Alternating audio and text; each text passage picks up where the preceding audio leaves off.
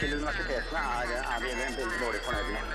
Og hvis du ser på hva de tar no more killing of innocent lives. Ja, det, den saken eh, tapte vi i Soria Moria-forhandlingene. Det var aldri Men hvorfor tapte dere når alle er enige om det? Eh, Nei, det var ikke så stor enighet som eh, det Jeg kunne tror Vi møter den tradisjonelle brytningen mellom individets frihet og samfunnets ønske om beskyttelse. Lokalt, nasjonalt, internasjonalt. Nyhetsdialog går i dybden. Studenter med dysleksi føler seg oversett på UiO. Nyvalgt leder av Sosialdemokratene Ingvild Stensrud kommer til oss. Studieavgiften i Sør-Afrika tar knekken på økonomien til studentene. Vi har tatt en prat med en norsk utvekslingsstudent i Sør-Afrika. Dette er Nyhetsfredag den 30. oktober.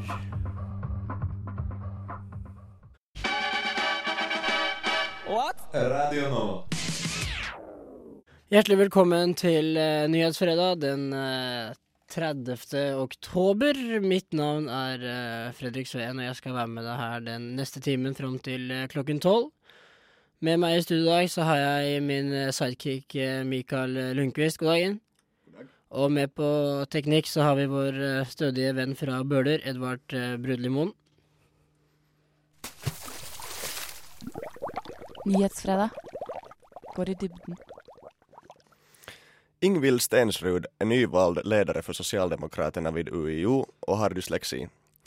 Hon menar att studenter med läs och skrivsvårigheter inte får tillräckligt med hjälp från universitetet. Vad gör universitetet för studenter med läse- og skrivsvårigheter idag? Ja, I dag så er det sånn at universitetet gir ekstra tid på eksamen.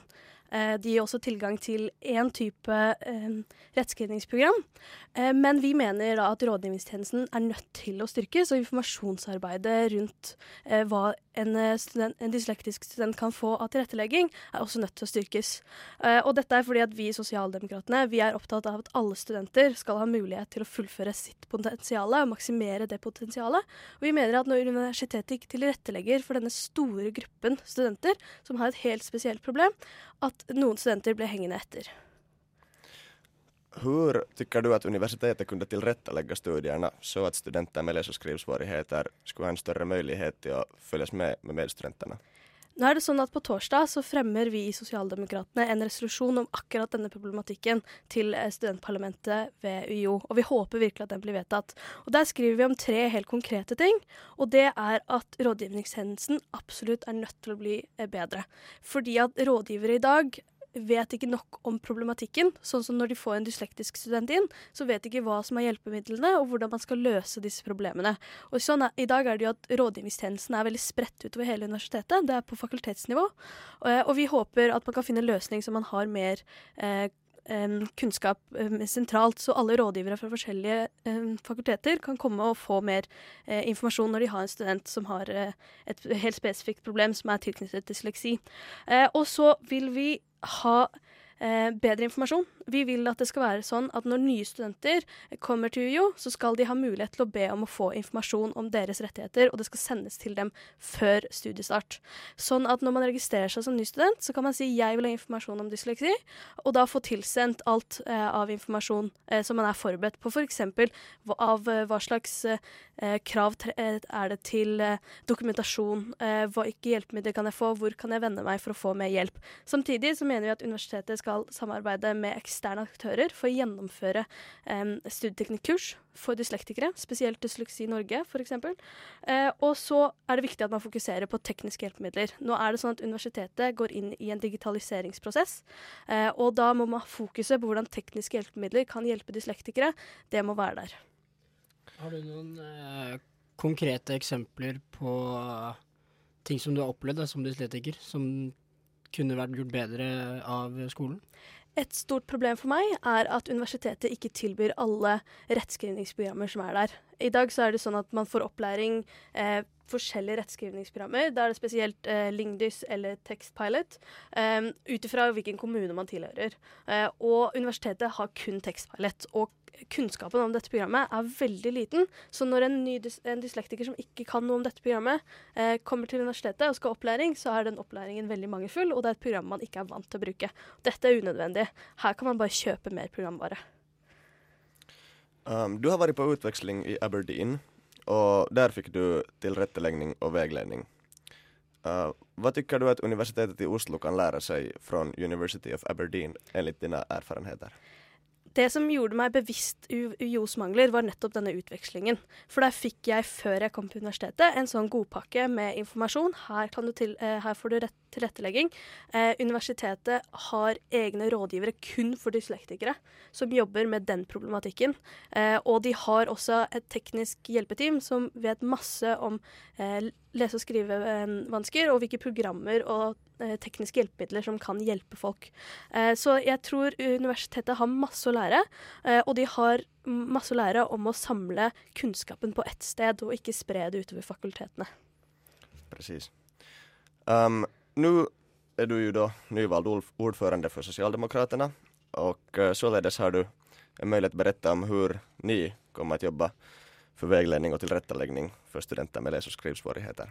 Først av alt så vil vi kjempe for å få denne resolusjonen gjennom i studentparlamentet. Det gjør at uh, arbeidsutvalget ved, ved UiO, uh, studentparlamentet, kan jobbe enda mer med dysleksi og, og få gjort noe på universitetet. Og vi begynner først med denne gruppen, litt spesielt fordi det er en stor gruppe som har helt spesifikke problemer som ofte går igjen hos de samme. men vi håper også at vi kan fortsette dette arbeidet med bedre tilrettelegging for andre grupper også. fordi at det er jo sånn at studenten tjener på eh, å få bedre tilrettelegging, og universitetet tjener på å gi bedre tilrettelegging. Fordi at det er faktisk et økonomisk argument her. Eh, fordi studenten tjener masse på å gjøre det bedre på skolen og få normert eh, løp, og det gjør universitetet òg. Så vi syns det er veldig rart at Universitetet i Oslo ikke fokuserer mer på dette. Eh, og det er en vinn-vinn-situasjon. Så derfor vil vi kjempe med for tilrettelegging for alle grupper som kanskje har problemer med å gjennomføre studiehverdagen. Eh, syns du det er eh, skremmende at uh, Norges fremste universitet ikke har nok tilrettelegging for folk med dysleksi? Jeg syns det er veldig skuffende, spesielt når det er så mye kompetanse om dette. Det er mye lettere, eller lettere, det er greiere å være uh, dyslektiker i dag enn det det var for bare 30 år siden, med tanke på teknologisk utvikling og kompetanseutvikling på dette punktet. Men jeg tror problemet til universitetet er at man ikke fokuserer mer på hvordan man skal tilrettelegge for alle grupper. Uh, det ligger på fakultetsnivå. Uh, ansvaret er spredd. og vi sammenligner oss med land i andre verden Nei, i land Andre universiteter i verden, så er, gjør universitetet fryktelig dårlig. Ja. Eh, da var vår, eh, vår tilmålte tid over. Tusen takk for at du kom, leder av Sosialdemokratene, Ingvild Stensrud. Jeg heter Jonas Gahr Støre. Du hører på Nyhetsfredag. Følg med og ha en fin fredag og god helg.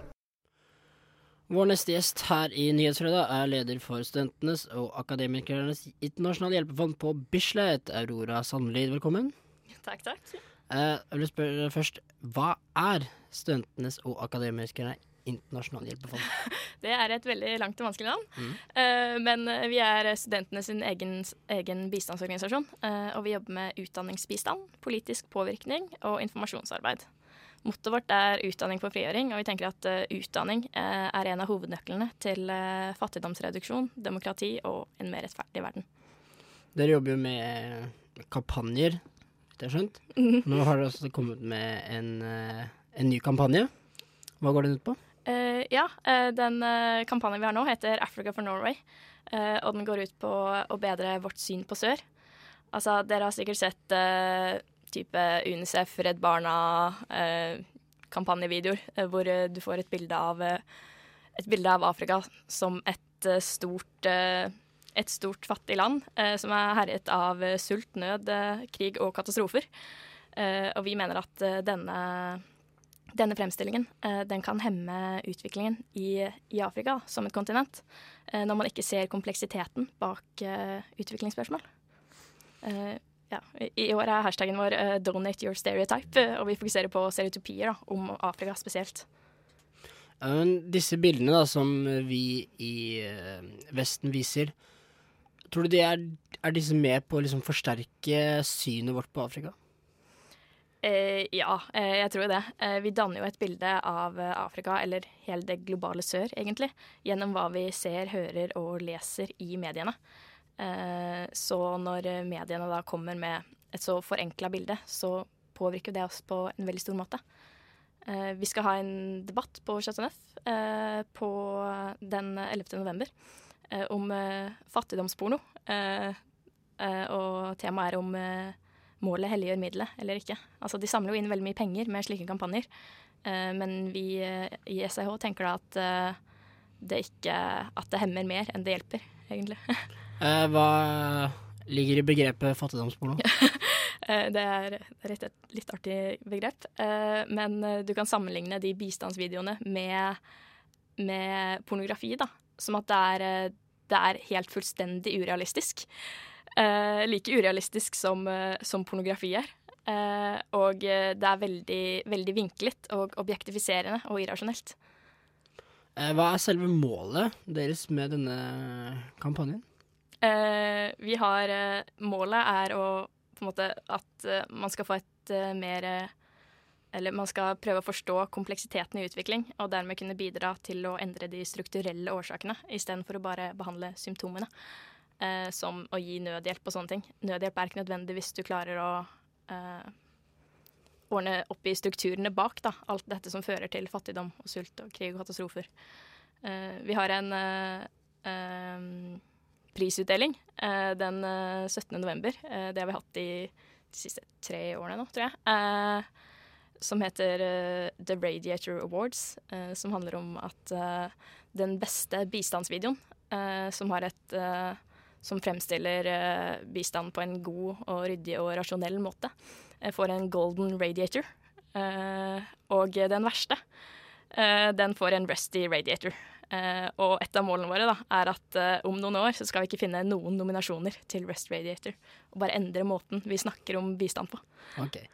Men grunnen til at dere har den kapteinen, jeg tolker det som er det Dere mener at er, har norske studenter da et feil syn på Afrika som kontinent? Eh, ja, norske studenter, nordmenn generelt. Altså, Hans Rosling hadde en eh, undersøkelse i 2014 som viser at halvparten av oss tror at andelen av verdens befolkning som lever i ekstrem fattigdom, er dobbelt så høy i dag som den var for 20 år siden. Eh, og når folk tror at verden går tilbake istedenfor å gå fremover, så har vi et problem. Uh, ja, vi, en, vi hadde en kampanje som heter 'Verdens beste nyheter'. Den kom fra Danmark. Uh, som handler om å spre uh, de gode nyhetene i verden. da. Eh, eksempel eh, millenniumsmålene. De er jo så å si nådd, en god del av dem. Eh, og verden går faktisk fremover. Det er færre fattige til tross for befolkningsveksten. Mm. Eh, har dere hatt lignende kampanjer tidligere? Eh, ja, vi startet opp i 2012 med Radiate. Dere har kanskje sett den musikkvideoen. 'Africa for Norway'. Eh, den gikk Ja, det, starta opp som et bitte lite prosjekt som noen eh, lokallagsaktivister begynte å, å drodle litt med. Eh, og så ble det til en musikkvideo som eh, gikk helt amok på internett. Det er sånn tre millioner views eller noe sånt noe. Eh, så dette har vi holdt på med i noen år nå. Og vi håper at, eh, vi håper at det begynner å, å hjelpe etter hvert. Ja. Eh, da vil jeg si tusen takk for at du kom, Aurora Samlid, og masse lykke til med kampanjen. Tusen takk. Da skal vi ha mer eh, finsk eh, musikk her i eh, Nyhetsfredag. Nå skal vi høre Njau med Woolen Pumpkin Shirt.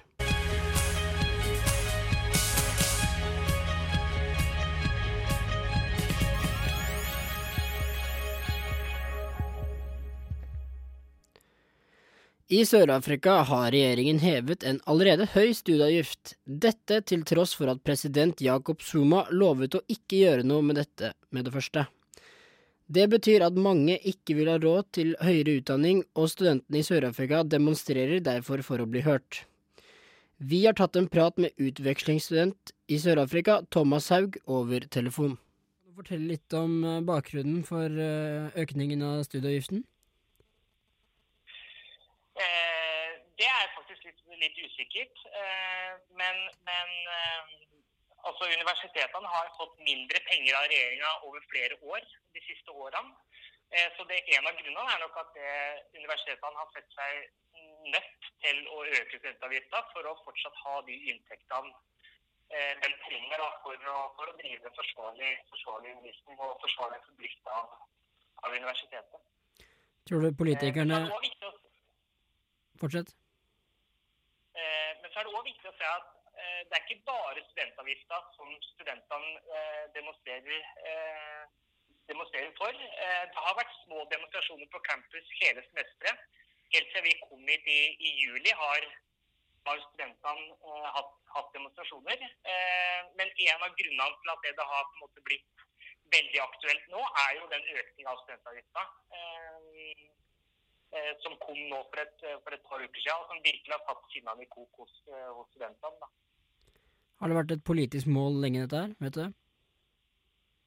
Det vet jeg ikke. Eh, Det vet jeg ikke. Nå har jo eh, president Zuma sa på fredag at han avlyste økningen eh, av studentavgifta og sa at det ikke kom til å bli noen økning. Og hvorfor de går tilbake på det, det er usikkert, men det kan hende det er fordi at studentene har, har faktisk klart å satt såpass mye fokus på det her da, og gitt såpass klar beskjed om at en økning i studentavgift er, er uaktuelt. Hvordan påvirker dette stemningen blant eh, studentene der nede, da? Eh, det er eh, veldig, veldig mange studenter som er aktive, eh, og som, eh, og som kjemper for, for det her. Og ikke bare for studentavgifta, men også andre forhold på, eh, på campus. Så det er noe som berører alle, alle studenter. Eh, stemningen er litt roligere eh, nå enn det han var i forrige uke. I forrige uke så var det store demonstrasjoner daglig. eh, Og det var til dels kraftige sammenstøt mellom politi og studenter. Men så er situasjonen litt, litt roligere nå. Eh, Også ettersom Jakob eh, Stuma avlyste økningen av studentavgifta på fredag, så roa jo situasjonen seg betydelig. da. Men det er fortsatt ganske spent. Og universitetet er fortsatt stengt og vil være det ut denne, denne uka her. Men hva betyr uh, selve økningen for uh, nåværende og fremtidige studenter? Det betyr veldig mye. Uh, studentavgifta i Sør-Afrika er allerede veldig høy.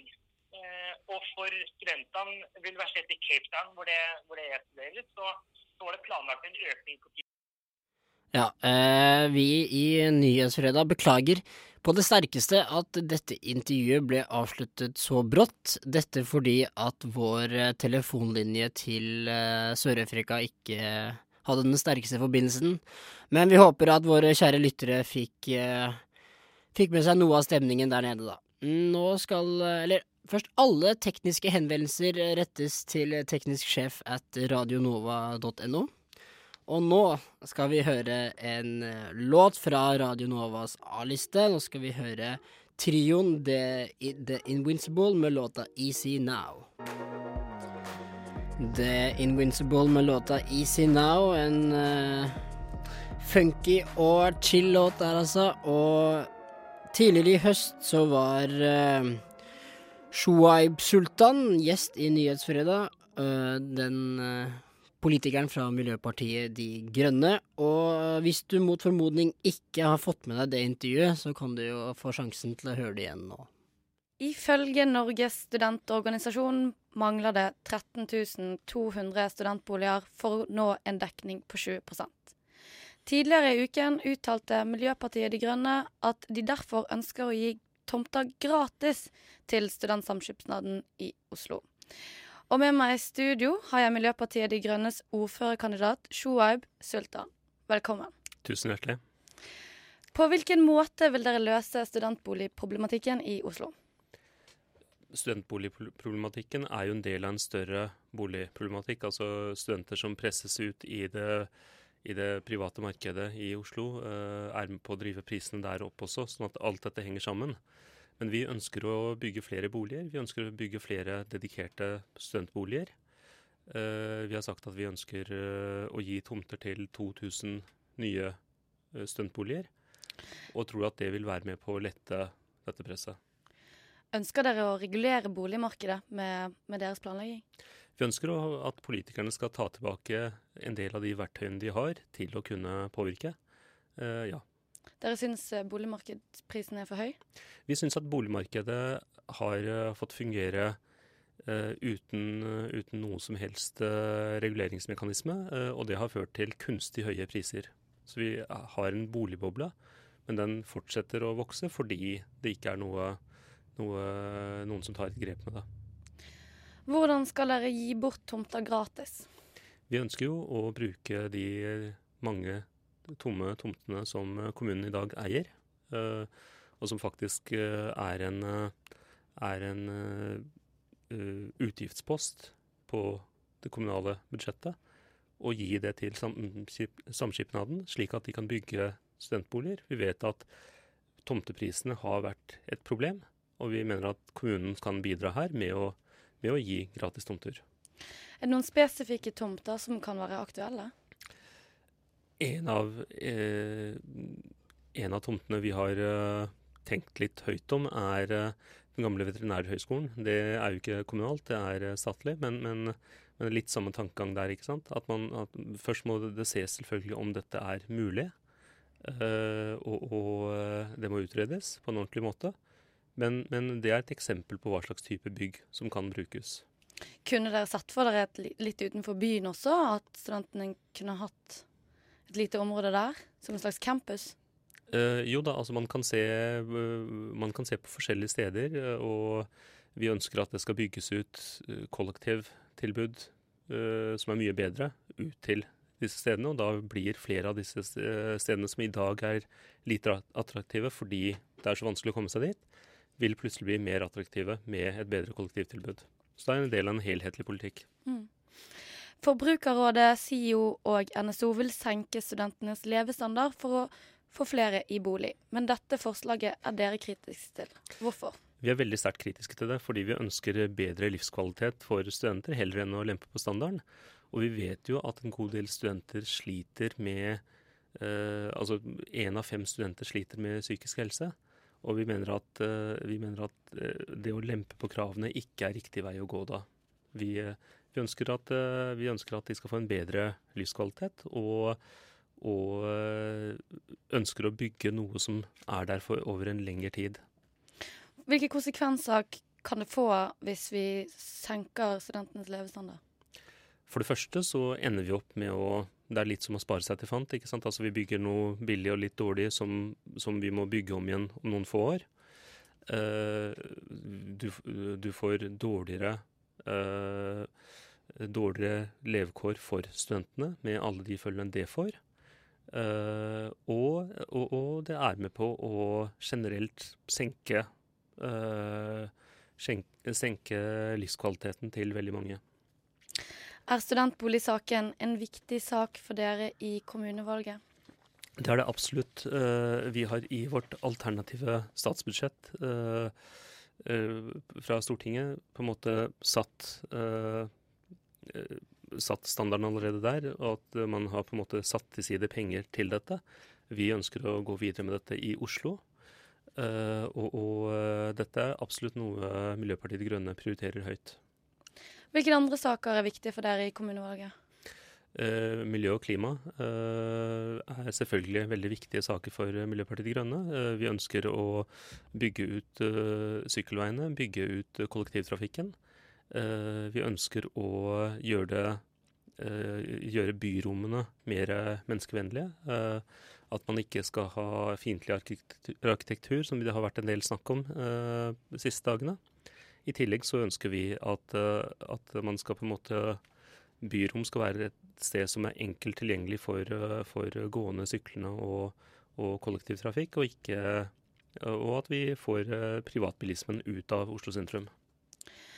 Hvordan bygger man egentlig grønt? Man bygger grønt på flere måter, bl.a. ved å ha, høy, ha høye energikrav.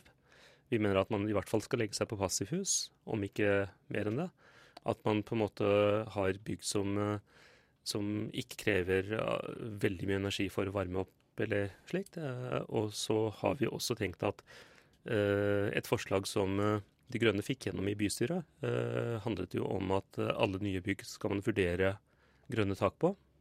Det vil også være, vil også være aktuelt her.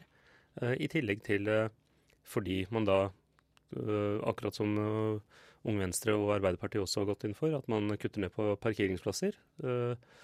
Og heller bygger ut kollektivtilbud sånn at de ikke trenger bil. Men i tillegg så kan man da også bygge parsellhager, hvor, hvor studentene kan, kan, være med å dyrke grønnsaker. Grønne tak, hva var det? Er det gress på taket? Ja. Øh, enkelt fortalt så, så, handler det om øh, tak som har gress eller planter eh, på taket. Eh, det er, eh, det er bedre fordi det greier å ta inn mer vann. det blir mindre vann ute i gatene. Det er, det er bedre for klimaet. det skaper mer trivsel.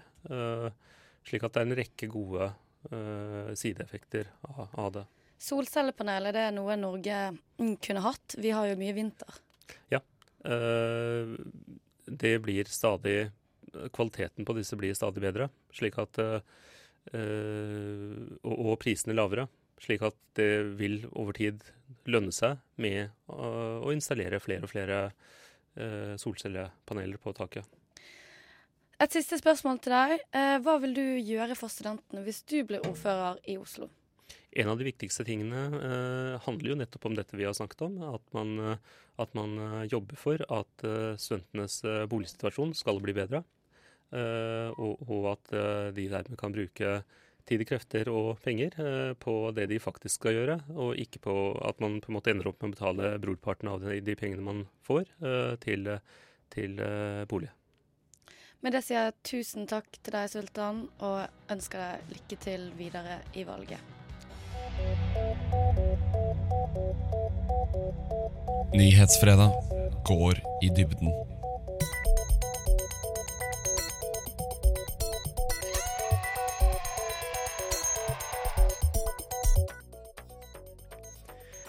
Da kan jeg meddele at uh, ukens uh, Nyhetsfredag er over.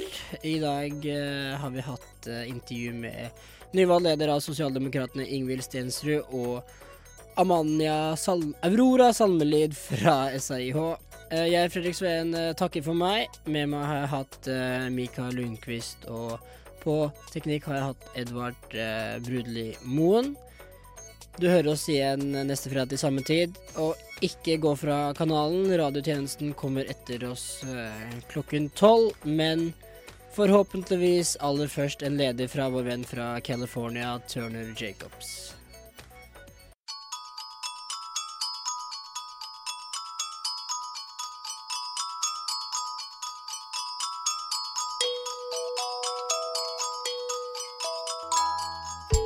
Du lytter til Radio Nova på FM 99,3.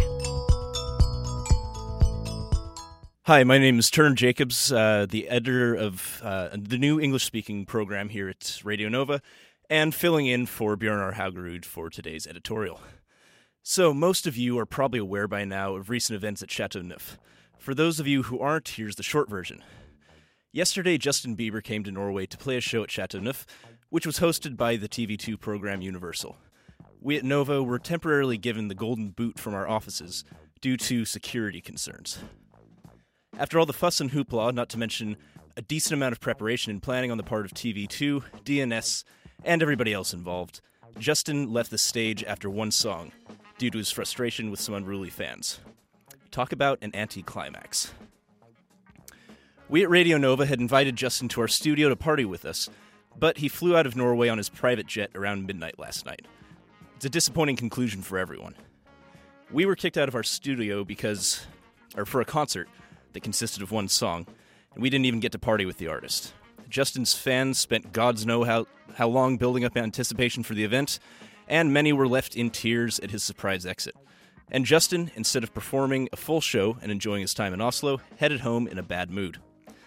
I don't really have the full context of what happened, uh, I did see the video of Justin's grand exit, and it suggests that he was trying to wipe spilled water off of the stage while a swarm of fans were grabbing at him, despite his protests. I do have some sympathy for the guy. Getting pawed at by a horde of teenagers must be frustrating, especially if you've told them to stop, but they just won't listen. Was Justin right to storm out of the concert? The easy answer is no. But really, are there any easy answers in life? If I were in Justin's place, I probably would have done the same thing. And his handsy fans, on the other hand, were probably thinking, this might be my only chance to touch my living idol. So were they entirely wrong?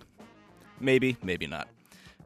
I've got to say, though, that I feel the most sorry for all the people who planned this entire operation, only for it to end in a complete disaster. So, what's the meaning in all of this? I'm not really sure if there's any grand message to take away here. other than maybe that uh, sometimes things don't go the way you expect them to, and no amount of planning can ever account for the unpredictability of human behavior. But after all that, I'm just happy to be back in the office.